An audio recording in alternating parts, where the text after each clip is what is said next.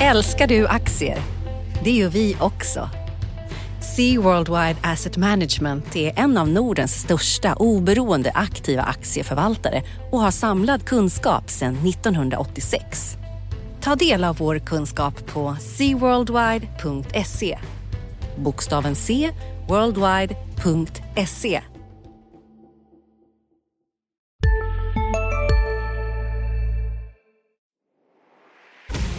För nionde året i rad samlar Dagens Industri försäkringsbranschens tungviktare.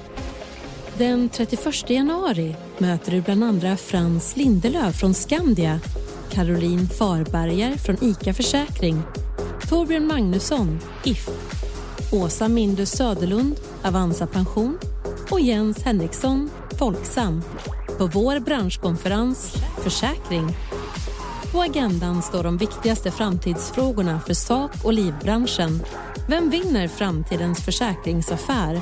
Och hur möter försäkringsbolagen hotet från de nya aktörerna i branschen? Anmäl dig, Anmäl dig idag på di.se di konferens. Analyspodden från Dagens Industri. Hej och välkommen till Analyspodden, Dagens Industris podd om börs och makro. Eh, denna vecka har rapport säsongen kommit igång på allvar. Och jag heter Agneta Jönsson och med på länk har jag min kollega Ulf eh, Pettersson från Kalmar här. Börsen är upp 1,8 procent senaste veckan och OMX ligger på 1500 nu, vilket är en lite så här teknisk motståndsnivå. Och vi är ju här som vanligt för att prata om vad som har hänt senaste veckan och vad som ska hända nästa vecka. Ulf, vad tycker du vi ska prata om idag? Ja, det måste ju bli mycket bolag för nu har ju eh, rapportsäsongen eh, kört igång här. Den har på allvar sett den väl igång först på måndag, tisdag men den, det har varit ganska bra eh, inflöde tycker jag redan denna vecka. Det måste vi prata om och sen så har vi ju haft en eh, ganska stor förändring i Kinnevik där Kristina Stenbeck lämnar tycker jag också man ska prata om. Vi har haft en uppgång för guldet kanske man kan notera eftersom det påverkar hela, eller rättare sagt en effekt av hur eh, hela finansmarknaden och sådär och hur ECB uttalade sig och, och hur Trump agerar på sitt Twitter och sådär. Det tycker jag vi ska prata om. Är det någonting som du tycker vi borde, borde ägna tid åt? Precis, jo, Kinnevik är intressant för där har vi ju det här med Millicom-budet som nu inte verkar bli av också. Så det är ju bra. Det. Och sen så har vi ju också, jag tittade lite på några bolag som kanske skulle kunna gå på sina rapporter. Så det kan vi ta upp också. Och, lite om, ja, och lite om bankerna nästa vecka också. Har vi. Absolut. Men ska vi börja med Sandvik som var först ut här. Du har tittat en del på den va? Ja, det har jag. Den var ju, eh, man hade sett fram emot den där för det var liksom första verkstadsbolaget eh, och eh, det har ju varit den stora frågan sista månaderna tycker jag i alla fall. Hur står vi i konjunkturen och framförallt hur, hur går det för bolagen i denna, i denna lite svagare konjunktur som vi har sett. Eh, IMF drog ju ner eh, förväntningarna för både eh, för 19 i alla fall och kanske även 20. Och vad det gällde Sandvik så så kan man väl säga att eh, eh, de kom med ett riktigt bra resultat som var bättre än väntat. Eh, orderingången eh, ökade mer än vad jag hade trott i alla fall. Men det som gjorde att, att aktiemarknaden ändå inte liksom skickade upp aktien var ju att eh, orderingången för den här lite bredare, de här gamla vändskären eh, ute i Gimo då, eh, kor, gamla Coromant bland annat, bara ökade orderingången 2 och det såg nog folk som att det här kanske betyder att eh, allmänna verkstadsbolag som kommer nästa vecka, SKF och Autoliv och, och Volvo och sånt där, kanske inte är lika roliga som, som Sandviks, eh, Sandviks rapport är och, eh, Atlas, eh, och framförallt Epirocs rapport kanske kommer bli. Så det där var hur Sandvik själva presterar så gjorde de det bra och eh, vd Björn Rosengren var, var tyckte jag ändå liksom optimistisk inför, inför 19 men det sa inte så mycket om verkstad och det det sa om verkstad var väl att vi kanske finns anledning att inte ha för höga förväntningar på exempelvis SKF som kommer här i början av veckan. Nej, precis. Och det var väl som sagt eh, det här med sencykliska gruvor som gick bra, men problem med bilindustrin i Kina och de här grejerna. Ja, och det är ju ett problem. Alltså Kina, eh, egentligen så var ju försäljningen eh, svag i slutet av fjolåret både i USA eh, Europa och Kina. Men framförallt är det ju Kina som sticker ut eftersom bilförsäljningen minskade där med 6% 2018 och det har väl inte hänt eh, på decennier att eh, bilförsäljningen har gått ner. Tvärtom så har den ju ökat då från 4 till 24 miljoner sista 15 åren. Så det är klart att det där är ju, ett, det där är ju en vändning som har skett. Och så får vi se vad som händer 2019 då. Men det är det som oroar marknaden och det är det som gör att, att eh, exempelvis SKF hade ett svagt fjolår. Men eh, som sagt var, det blir ohyggligt spännande att se hur de, hur de hanterar det här. Och det som man är lite det som är det stora frågetecknet är ju hur det kommer gå om marknaden väl vänder ner. Det var ju lite si och så eh, förra stora skiftet då 09. Nu kanske inte det kommer bli så farligt i världen men, men där såg man ju att Atlas Copco klarade sig hyfsat medan Sandvik klarade sig väldigt ohyfsat. De gjorde ju till och med förlust där. Så då, eh, Men sen har det ju hänt lite. De har ju bytt vd och Björn Rosengren här verkar ju ha stuvat om ordentligt så man kanske kan hoppas att inte marginalerna kommer falla lika djupt och att det kommer slå lika hårt nästa sväng här. Nej, när, när Björn Rosengren pratade med vår kollega Micke Velenius här i veckan efter rapporten så jag tyckte han sa att det skulle vara en katastrof om de inte nådde, om de gick under 10% rörelsemarginal och det är en jättestor förändring mot hur det såg ut tidigare. Så, så håller de det så, så är ju aktien köpvärd tycker jag. Ja, och de kommer ju också med nya mål här. De ska ha en kapitalmarknadsdag här i maj om jag inte missminner mig och då är det väl mycket möjligt att vi får se eh, marginalmål också. De skulle även tala om då en botten för marginalen. Så det kan ju vara som du säger att det är lite köpläge. Ja, precis. Och sen så har de ju också en, eh, nu har de en nettoskuld på 10 miljarder. Det är långt under eh, vad de gör i vinst under ett år. Så de kommer ju vara skuldfria i år har betat av nettoskulden med en 25 miljarder de sista två åren. Så det är klart att de har ju vill de börja köpa bolag, så, och det vill de väl, de gjorde väl fem, fem hyfsade förvärv förra året, så, så, så, kan de ju göra det. Och det kanske ingår i den här planen i samband med bolagsstäm, eller i samband med kapitalmarknadsdagen att, att det liksom ges någon fingervisning om vad de ska göra med sina pengar nu när Precis, de får jag tyckte det blev en liten hint där också i den här intervjun som Mikael Wilenius gjorde. Där framgick ju också att eh, Björn Rosengren hade börjat se att priserna på bolag har börjat komma ner och så här. Så att jag tycker man fick liten vibbar om det här att det kanske ja. blir lite större grejer i år. Mm, ja, vi får, vi får se helt enkelt. Men jag tycker att, det, men som sagt var, den Sandvik-rapporten var bra.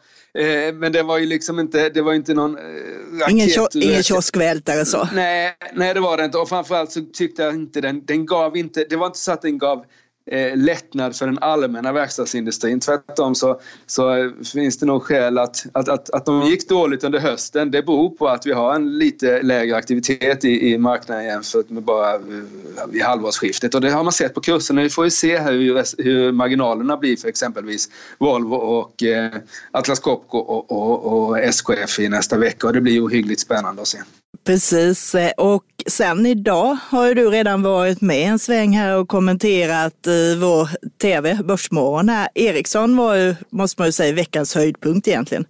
Just det, jag gick upp faktiskt redan vid femtiden så det är lunch här efter vi, för min del när vi, när vi lägger av och, och, och med den här podden då på förmiddagen. Jo, ja, eh, Ericsson kommer rapport, Telia kommer rapport och Byggmax kommer rapport här under fredagen. Om vi börjar med Ericsson som är liksom den som är, kanske tilldrar sig mest intresse då så, så var ju det en, eh, en stark rapport.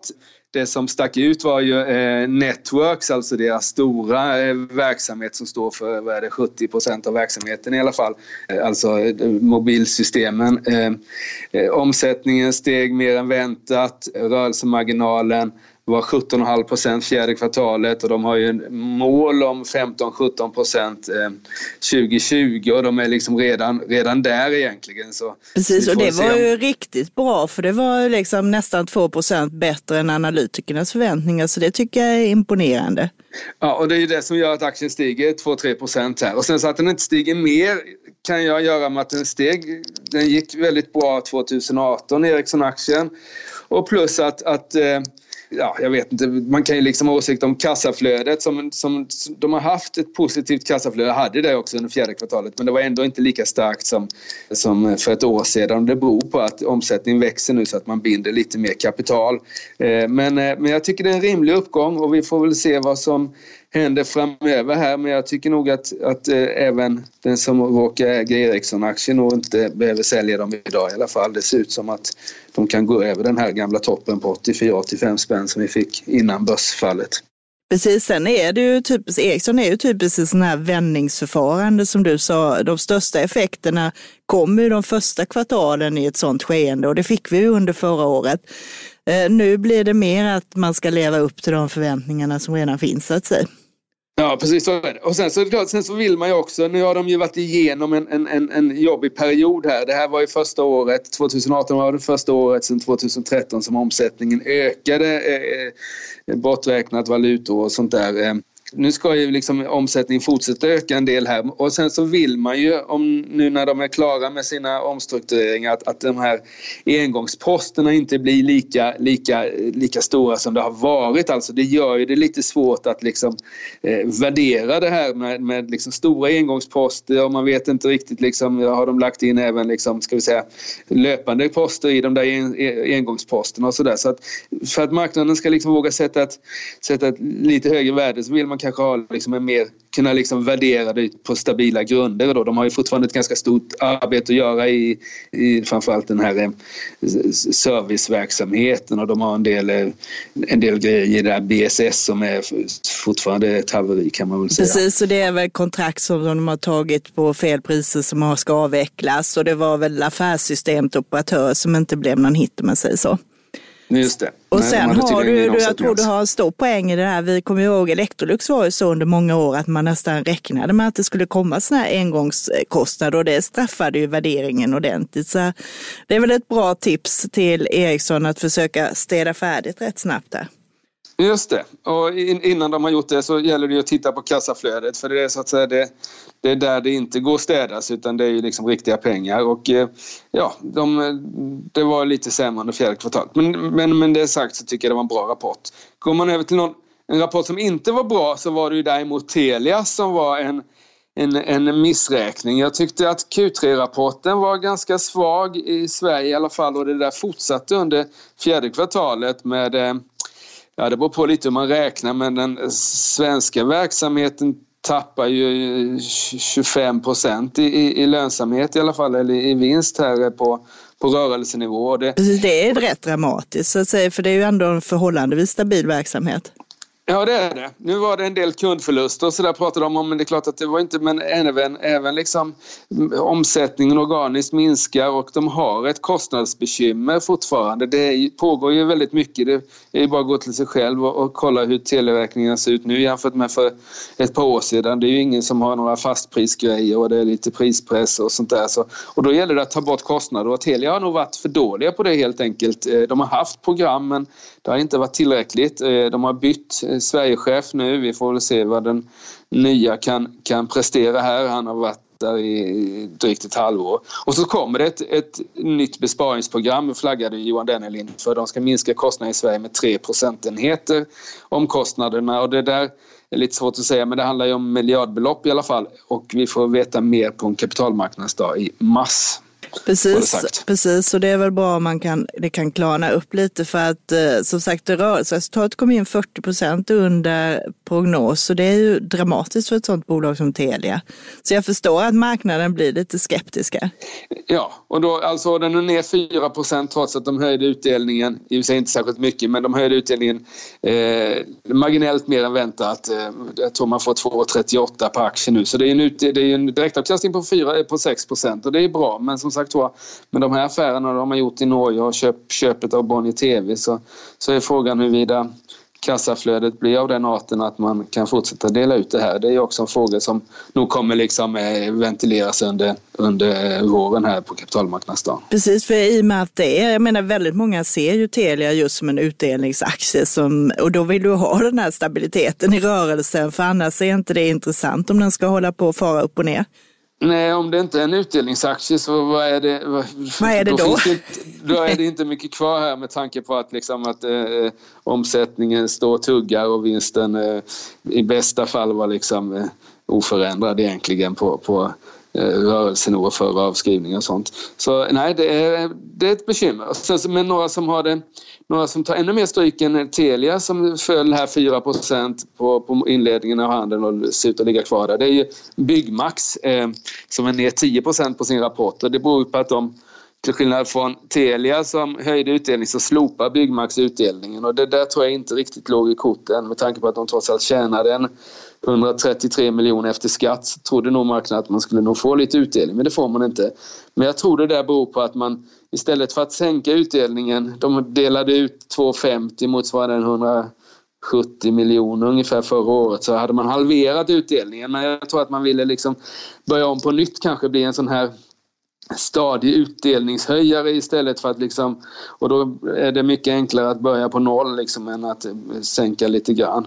Men det tror jag, det, det ligger nog bakom för jag tyckte siffrorna i sig var inte så, så, så jobbiga i Byggmax. Vinsten ökade under fjärde kvartalet och sådär men, men det var utdelningen som gör att aktien tar rejält med stryk. Ja, det känns eh, kanske som det är en grej att passa på lite här då. Sen har vi det här med Kinnevik, det måste vi ju prata lite om också. Det har hänt en hel del grejer där denna veckan. Först har vi ju det här att Kristina Stenbeck inte ska vara med i styrelsen utan hon ska bara vara ordförande i valberedningen. Och det är första gången då i historien, höll på som inte är en Stenbeck i styrelsen. Det har ju diskuterats mycket här i media fram och tillbaka om eh, det är ett problem eller inte. Vad tycker du om det? Ja, men det är klart att det är ett problem om största ägaren inte, har liksom en, eh, inte sitter med i styrelsen. Den här, det verkar ju liksom vara någon slags ny svensk managementfilosofi som har, som har liksom Eh, eh, hänt här. Eh, vi har en regering då där, där liberaler och Centern säger sig själva styra liksom hur regeringen arbetar men de sitter inte i, i, i regeringen, det vill säga de sitter inte i styrelsen. Och nu har vi då Kinnevik där, där Kristina fortfarande säger att hon kommer liksom vara aktiv och storägare och sådär så sitter hon fortfarande inte i styrelsen och det är klart att det där är lite ovanligt och det är ju det är ju inte bra då men sen så kan man ju förstå på ett personligt privat plan för Kristina Stenbeck kan man ju förstå att hon gör så här. Hon, hon har ju haft ett ganska speciellt liv då som fick ta över eh, Kinnevik eh, över en natt då när, när ja, Stenbeck dog här 2000.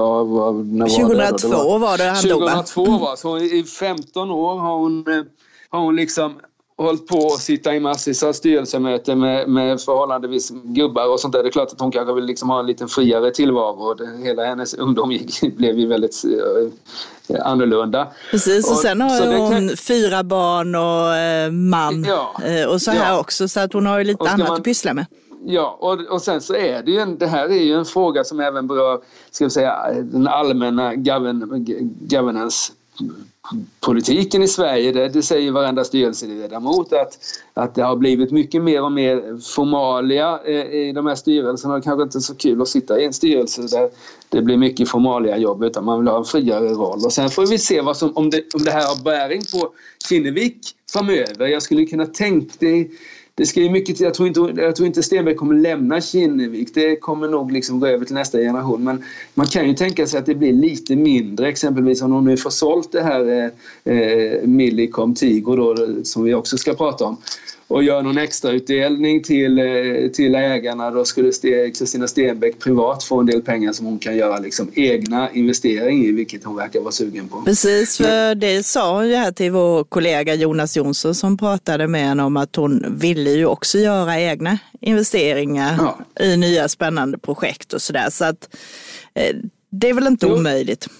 Nej, nej. Det, och då måste hon ju ha loss stålar. Hon har säkert lite stålar utanför redan idag då. Men det är klart att får man en rejäl engångsutdelning om, om, om, om det skulle hända någonting med, med Millicom eller ja, egentligen alla de här bitarna i Kinnevik är ju på något sätt i spel. Liksom MTG som ska, ska liksom eh, styckas nu då här i vår. Eh, du har Tele2 som, eh, som är ett annat bolag sen de har sålt eh, sin Hollandsverksamhet och sådär. Så det kan nog hända ganska mycket där. Men det jag tror att det som kommer hända är nog att det kommer nog transfereras en del pengar bort från Kinnevik ut till aktieägarna eftersom Stenbeck Kristina ska göra mer eh, egna investeringar. Men ja, och sen kan man ju fråga sig, är det här bra eller dåligt för aktiekursen då? Så, så låt säga att det blir liksom det marknaden brukar vilja ha är ju liksom eh, hellre en fågel i handen än tio i skogen så blir det liksom extra utdelningar och stora försäljningar till över börskurs så, så kommer ju aktien kortsiktigt gynnas av det där. Sen är ju Kinnevik nu en allt, allt mer än, än ett derivat på Zalando-aktien så det är klart att då ska man ha en åsikt om den också. Men, men eh, jag förstår att folk blir lite nervösa men, men å andra sidan om det nu så att säga blir lite mindre så borde substansrabatten också minska. Precis, man kan ju tänka så om det nu det här hade, om de hade fått som de snackade om här motsvarande 710 kronor per aktie så skulle det gett Kinneviken 27 miljarder. Eh, och börsvärdet är ju på drygt 60 nu så att det är ju en väldigt stor affär. Om man säger ja, så. Och skulle man dela ut, nu kommer man väl inte dela ut alla de pengarna förstås, men, men, men skulle man göra, sälja det där och göra en, en riktigt stor engångsutdelning, då kommer ju substansrabatten i, ska vi säga, i, i relativa termer, alltså det vi pratar, brukar tala, vi brukar ju tala om Just nu pågår vår stora season sale med fantastiska priser på möbler och inredning. Passa på att fynda till hemmets alla rum, inne som ute, senast den 6 maj. Gör dig redo för sommar. Välkommen till Mio. CSRD, ännu en förkortning som väcker känslor hos företagare. Men lugn, våra rådgivare här på PWC har koll på det som din verksamhet berörs av. Från hållbarhetslösningar och nya regelverk till affärsutveckling och ansvarsfulla AI-strategier. Välkommen till PWC. Stansrabatten i procent, den kanske inte kommer liksom minska så mycket men i absoluta tal kommer den ju minska eftersom bolaget i så fall blir mycket mindre och då, då kommer ju eh, aktieägarna gynnas av. Precis, sen tänker jag lite så också här att de hamnar ju lite i ett bra läge. Det är ju ungefär som Investor gjorde här innan förra krisen när de sålde sina Scania och sina eh, OMX, det som heter Nasdaq nu, och hade en massa pengar. Så att gå in i lite sämre tider eh, för ett sånt här bolag eh, kan man ju göra riktigt bra investeringar också. Ja, det får man. Sen så får vi se hur, om, om liksom är det rätt tid nu? Jag tycker att vi skriver ofta artiklar fortfarande om olika typer av eh, startups som ska liksom ha in mycket pengar och sådär. Men tittar man hur det såg ut runt 2000 så tog det flera år innan, innan det var liksom läge att, att investera. Så, men visst, det är bra att ha pengar i den här situationen för det kommer om det blir lite sämre tider och om den här stöket på börsen fortsätter så är det framförallt värderingen på, på ska vi säga, teknikbolag och startups och förlustbolag och som har vinster långt in i framtiden som tar mest stryk. Det är ju liksom inte så roligt att gå ut på finansieringsrundor när det är stökigt i världen. Så det, det är jättebra om, om Kinnevik får loss lite stålar på en sån här försäljning. Men nu blev det inte av. Här. Nu blev det inte av och jag måste säga jag tycker nästan det är lite bra. Jag förstår att eh, man vill sälja det med tanke på deras strategi och fokusera mer på Norden och så här men samtidigt är Millicom ett spännande bolag som håller på nu med en omstyrning mer så att säga mot eh, kabel och fiber och har lämnat det här, deras gamla nisch med kontantkort så att säga. Så att där finns ju jag tycker det i, i sig är väldigt intressant och likadant har de noterats på Londonbörsen, vilket gör att fler investerare också får upp ögonen för dem. Så jag tror att Millicom kan nog utvecklas bra även om Kinnevik är kvar så att säga. Ja, så kan det säkert vara. Men jag tror att eh, aktieägarna vill ju gärna, hade de, man såg ju på Kinnevik-kursen här att, att, den, eh, att den tog stryk när, den, när budet inte blev av. Så, så är det ju. Men tittar man på det där, som sagt, nu har rabatten då hoppat upp till runt en 20 procent. Eh, nu kom ju Boost idag, vilket drog iväg här och det pratades lite om att Zalando kanske börjar vända runt också. Då kan det ju faktiskt vara lite läge i Kinnevik nu också. Ja, absolut. 20 procent är, är framförallt om man tittar eh, senast, senaste åren så är 20 procents rabatt eh, åt det höga hållet. Så jag tycker absolut att, att även Kinnevik är intressant i det här läget. Ja, och det är klart att det är negativt när Kristina Stenbeck lämnar styrelsen men eh, det är ganska många miljarder som har försvunnit ur börsvärdet just bara på grund av det där och så farligt tycker jag inte det är i, i pengar i alla fall jag tittade lite på det här med bolag som kunde eh, kanske gå bra här om det kommer in hyggliga rapporter. Och där hade vi några som är ordentligt utbombade. Eh, bland annat Haldex som då eh, sysslar med att sälja bombsystem till lastbilar gick ju väldigt dåligt förra året och de tappade en fjärdedel av börsvärdet under sista kvartalet där. Och det är klart underleverantörer till bilsektorn har ju inte varit någon hit Eh, globalt heller. Men så, samtidigt ska man komma ihåg, det var utbud på dem från de här holländska Knorr-Bremse eh, 2017 där de ville betala 125 kronor på aktien. Nu är aktien i 64 så det har ju liksom tappat hälften sedan dess. Och så dåligt går det inte för Haldex vad jag kan förstå. Nej, absolut inte. Om vi tar liksom om vi jämför med Volvo då som liksom är, är en kund till Haldex så har ju och innan budet bör, innan bud, budspekulationerna började så har ju liksom Volvo, som ändå inte har varit någon rolig resa egentligen, gått klart mycket bättre än Haldex. Så jag tror att, att eh, på vad är det, 64 spänn eller vad den står i nu så är Haldex jätteintressant. För dels så har du de här tre budgivarna. Eh, Knorr Bremse kanske inte kommer tillbaka eftersom de fick så tydligt nej från myndigheterna men, men, men ZF kan ju mycket väl komma tillbaka och, och och då har den här lite mindre spelaren, vad det nu hette som jag glömde bort namnet på, eh, kan också komma tillbaka. Så jag tycker det där är en jätteintressant eh, aktie inför Q4. Dessutom så var faktiskt Q3 eh, helt okej. Okay. Det var inte det här vinstfallet som vi har sett tidigare i alla fall. Så, eh, så ja, det tror jag kan vara något. Men du hade lite fler sådana där eh, eh möjliga kursrusar i samband med rapportperioden. Precis, vi har ett, eh, det, ett är ju Hoist Finance. Det är ju precis som Intrum, ett sånt här bolag som köper upp portföljer med förfallna konsumentfordringar men också lite andra typer av eh, fordringar. Och eh, de har haft det motigt under hela året. Eh, de fick en ny vd i början av året, här Claes-Anders Nusten. Och eh, sen kom de, eh, hade de kapitalmarknadsdag i mitten av november där de fastlade nya finansiella mål. De ska öka vinsten med 15 procent per år. Eh, de ska kunna öka eh, vinsten till 50, med 50 procent till 2021. Så det ser där har man i alla fall gjort upp en plan och man har inte heller varit så digitaliserad eller samordnade som många andra. Så där har man en del jobb att göra på att bli effektivare också.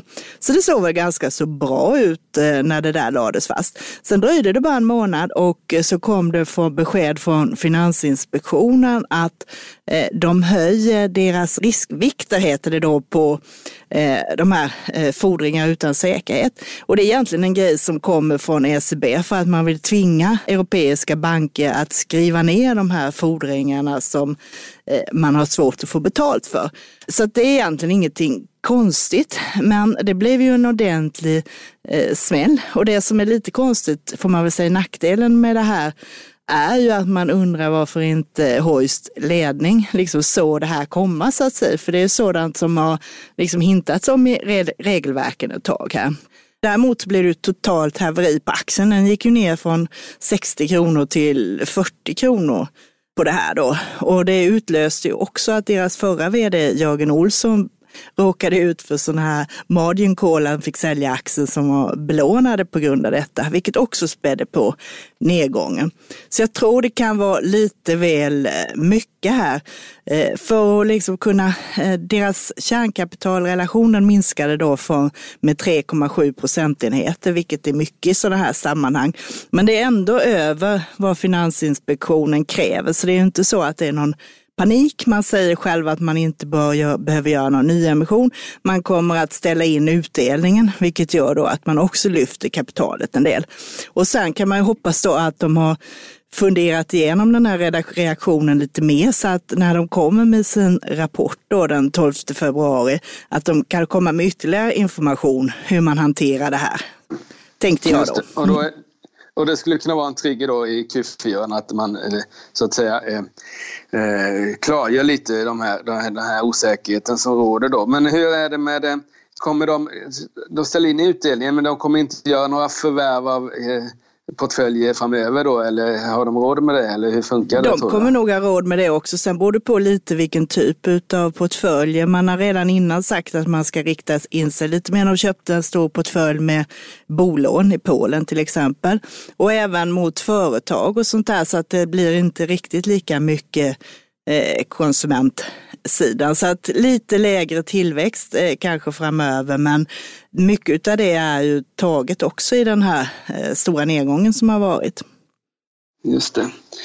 Bra. Något annat då som du tycker, eh, skriver ju och bevakar eh, finansiell sektor, vi har pratat om Hoist och sådär, men det stora eh, för aktiemarknaden är ju eh, nästa veckas rapporter från banksektorn. Vad är, dina vad, vad är det du tycker är intressantast där? Precis, vi har, det börjar ju med Swedbank på tisdag och eh, där räknar man med, tittar man på snittprognoserna så räknar man att rörelseresultatet ska öka med 4,8 procent här i Q4.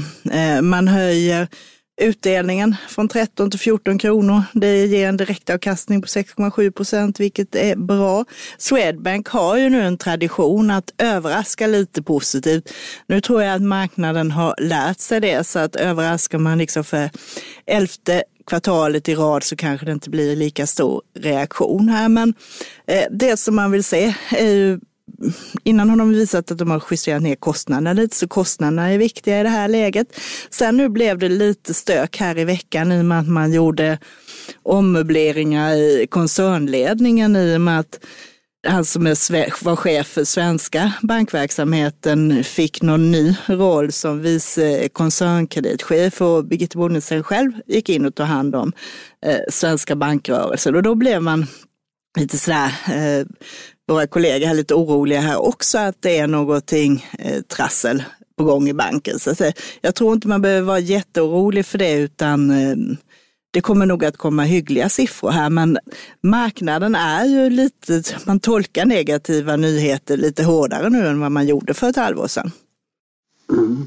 Det här vi, vi har ju sett, det har väl inte riktigt varit någon riktigt stor smäll då på bostadsutvecklingsfronten här, men de har ju problem med Eh, de mindre i alla fall, eh, bostadsutvecklarna. Är det något sånt där som man liksom kan det eller förväntar man sig fortsatt låga kreditförluster? Eller, Precis, eller, jag, tror, jag tror inte du behöver börja, börja oroa dig för kreditförluster där än i någon större skada. Det, nu pratar vi om eh, på, låga promillen eh, så att säga.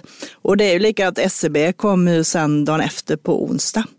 Eh, och Eh, Eh, där är det intressant att se vad som har hänt nu under fjärde kvartalet.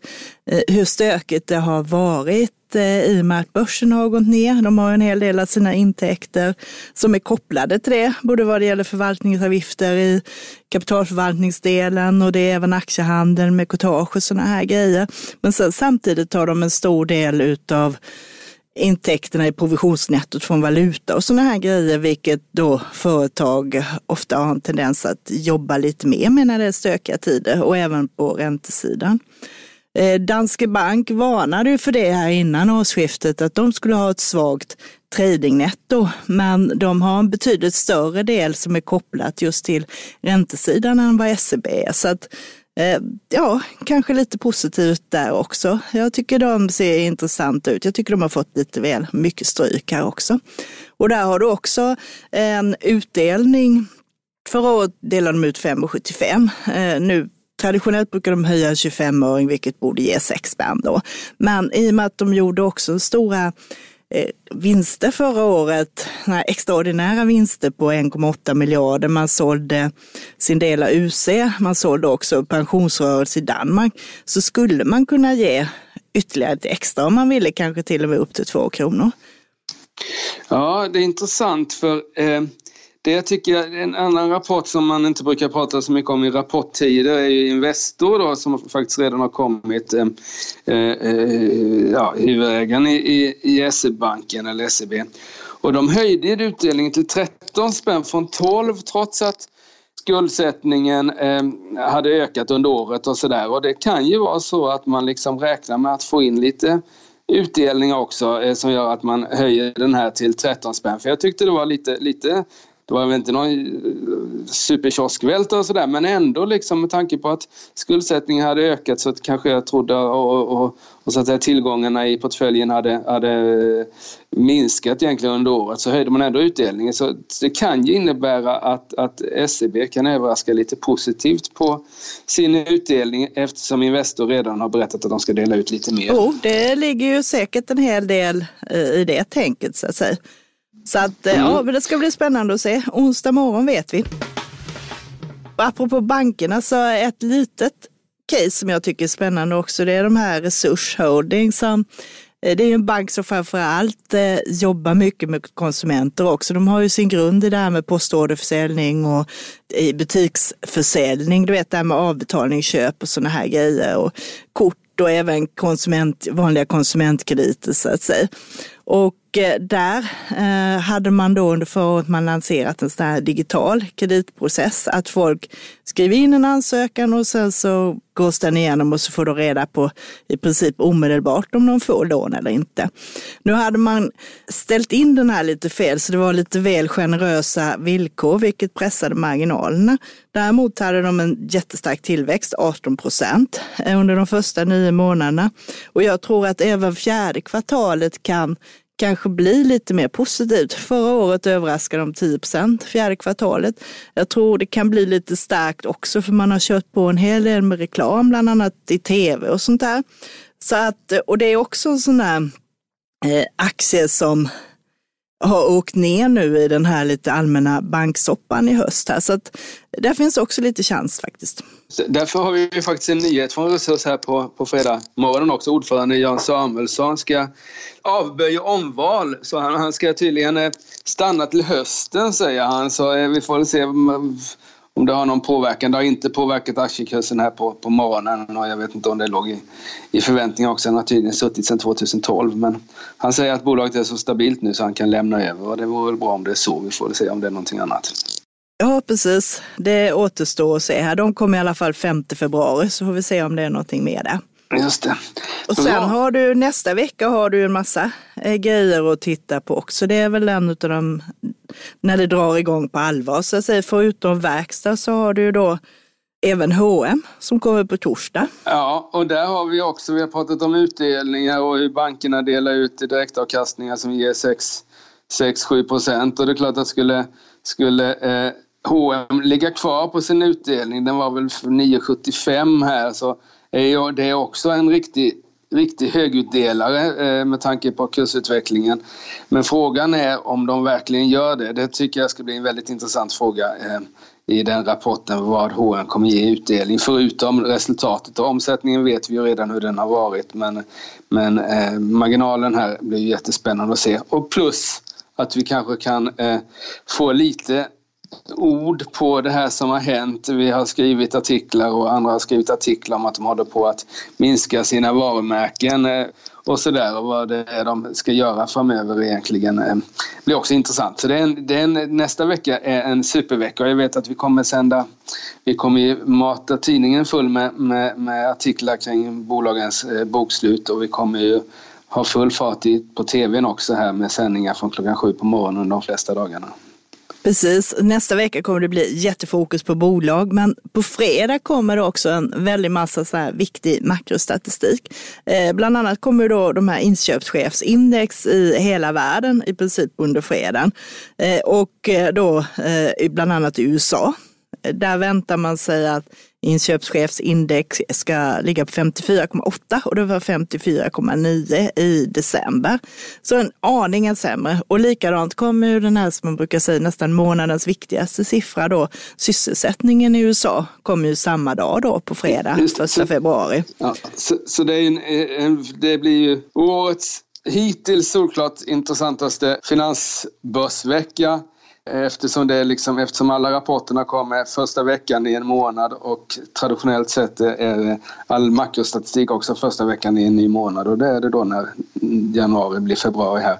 De här eh, PMI-siffrorna är jätteintressanta. Vi har ju fått lite sådana här indikationer från, från Markets PMI här eh, och de var ju Eh, Eh, känslan där var ju att det var eh, eh svagt i Europa medan att USA ändå har uppe väl. Vi får väl se om det fortsätter så när siffrorna kommer. Och så har vi den här eh, statistiken som du pratar kring arbetsmarknaden då. Där har det varit fortsatt väldigt bra fart i, i amerikansk ekonomi. Men det, det blir ju jättespännande. Så det, jag tycker att rapportperioden har inte riktigt satt farten trots att vi har liksom fått Ericsson och Telia eftersom det finns så mycket kvar där ute. Men av det lilla vi kan se nu så har ju ändå börsen som du inledde programmet med stigit nästan 2 så här fram till strax före långfredag. Så det är en, en bra start i alla fall får man väl ändå säga.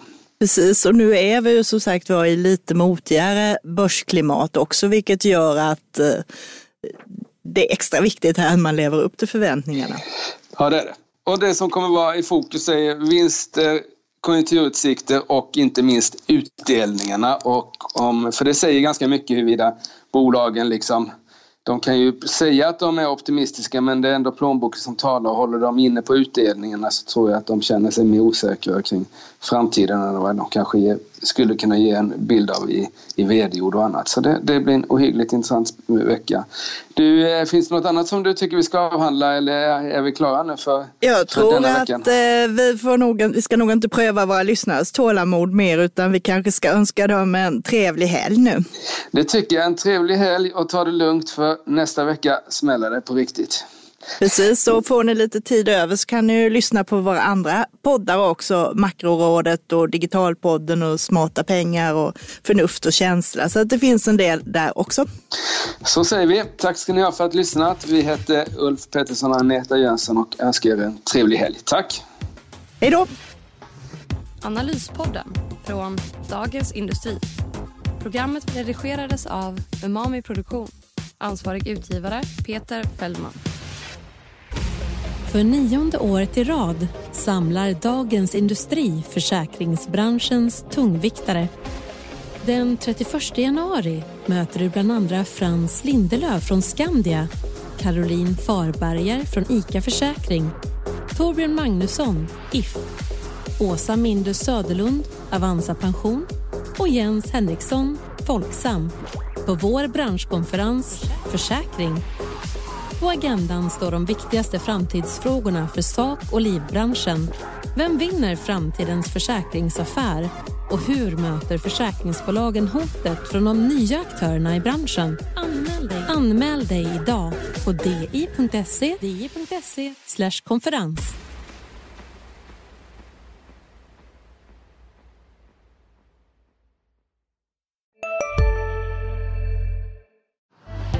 Älskar du aktier? Det gör vi också. Sea Worldwide Asset Management är en av Nordens största oberoende aktiva aktieförvaltare och har samlad kunskap sedan 1986. Ta del av vår kunskap på seaworldwide.se. Bokstaven C, worldwide.se